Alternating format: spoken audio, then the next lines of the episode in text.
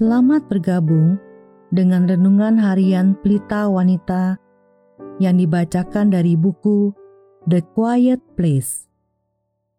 Pembacaan Alkitab hari ini diambil dari Yunus 4 ayat 1 sampai 11. Tetapi hal itu sangat mengesalkan hati Yunus. Lalu marahlah ia. Dan berdoalah ia kepada Tuhan. Katanya, Ya Tuhan, bukankah telah kukatakan itu ketika aku masih di negeriku? Itulah sebabnya, maka aku dahulu melarikan diri ke Tarsis, sebab aku tahu bahwa Engkaulah Allah yang pengasih dan penyayang, yang panjang sabar dan berlimpah kasih setia, serta yang menyesal karena malapetaka yang hendak didatangkannya. Jadi sekarang, ya Tuhan, cabutlah kiranya nyawaku, karena lebih baik aku mati daripada hidup. Tetapi firman Tuhan, layakkah engkau marah? Yunus telah keluar meninggalkan kota itu dan tinggal di sebelah timurnya. Ia mendirikan di situ sebuah pondok dan ia duduk di bawah naungannya menantikan apa yang akan terjadi atas kota itu. Lalu, atas penentuan Allah, tumbuhlah sebatang pohon jarak melampaui kepala Yunus untuk menaunginya, agar ia terhibur daripada kekesalan hatinya. Yunus sangat bersuka cita karena pohon jarak itu. Tetapi keesokan harinya, ketika fajar menyingsing, atas penentuan Allah, datanglah seekor ulat yang menggerek pohon jarak itu sehingga layu. Segera sesudah matahari terbit, maka atas penentuan Allah bertiuplah angin timur yang panas terik, sehingga sinar matahari menyakiti kepala Yunus. Lalu rebahlah ia lesu dan berharap supaya mati. Katanya, lebih baiklah aku mati daripada hidup. Tetapi Berfirmanlah Allah kepada Yunus, Layakkah engkau marah karena pohon jarak itu?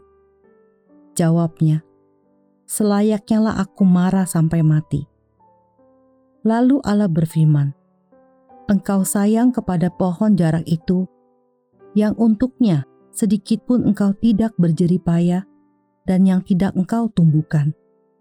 Yang tumbuh dalam satu malam dan binasa dalam satu malam pula.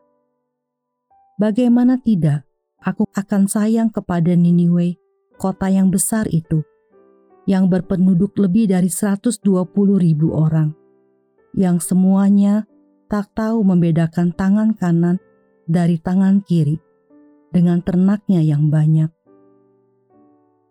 Ayat kunci hari ini adalah dari Yunus 4 ayat 4.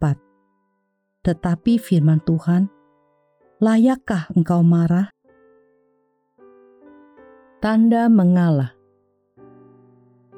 Keberhasilan relasi dan masyarakat yang sehat dan baik bukanlah dibangun di atas tuntutan akan hak, tetapi justru atas kerelaan melepaskan hak.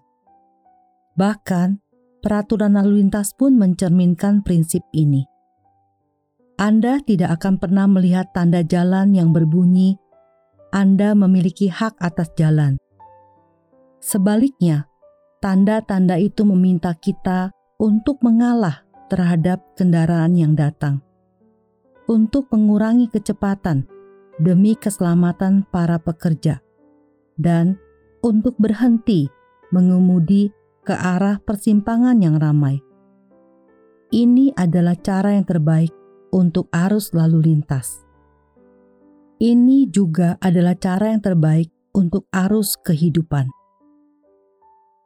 Nabi dalam Perjanjian Lama, Yunus, dengan jelas menggambarkan kecenderungan alami manusia yang menuntut hak dan kemudian menjadi marah ketika hak-hak tersebut dilanggar.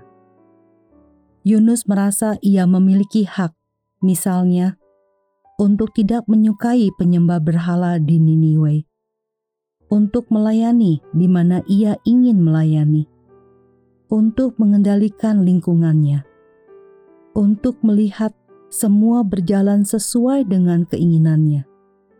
Hak untuk melihat orang-orang Niniwe yang jahat diadili oleh Allah. Dan ketika Allah mengambil tindakan yang berbeda dari apa yang Yunus pikir seharusnya Tuhan lakukan, hal itu sangat mengesalkan hati Yunus. Lalu marahlah ia. Yunus 4 ayat 1 Tetapi Allah tidak bersimpati terhadap perasaan Yunus yang terluka. Sama halnya ketika kita mengeluh akan panjangnya antrian nomor yang salah, atau semua yang kita anggap melanggar kehormatan kita dan membuat kita paling murung dan gelisah, atau paling parah, menjadi marah dan menjauhkan diri dari Allah. Kita menjadi mudah tersinggung oleh apa pun yang menghambat, mengikat, atau mengganggu rencana-rencana kita. Satu-satunya cara untuk terbebas dari naik turunnya emosi dan jiwa ini adalah dengan menyerahkan apa yang kita tuntut sebagai hak kepada Allah yang memiliki semua hak. Tidak ada cara lain yang dapat kita pilih. Sebagai penutup, mari kita renungkan pertanyaan ini. Apakah Anda menemukan diri Anda kesal akhir-akhir ini karena menuntut hak daripada menyerahkan hak Anda kepada Allah? Biarkanlah Allah bertanya kepada Anda. Pertanyaan yang sama yang diajukannya ke Yunus. Layakkah engkau marah?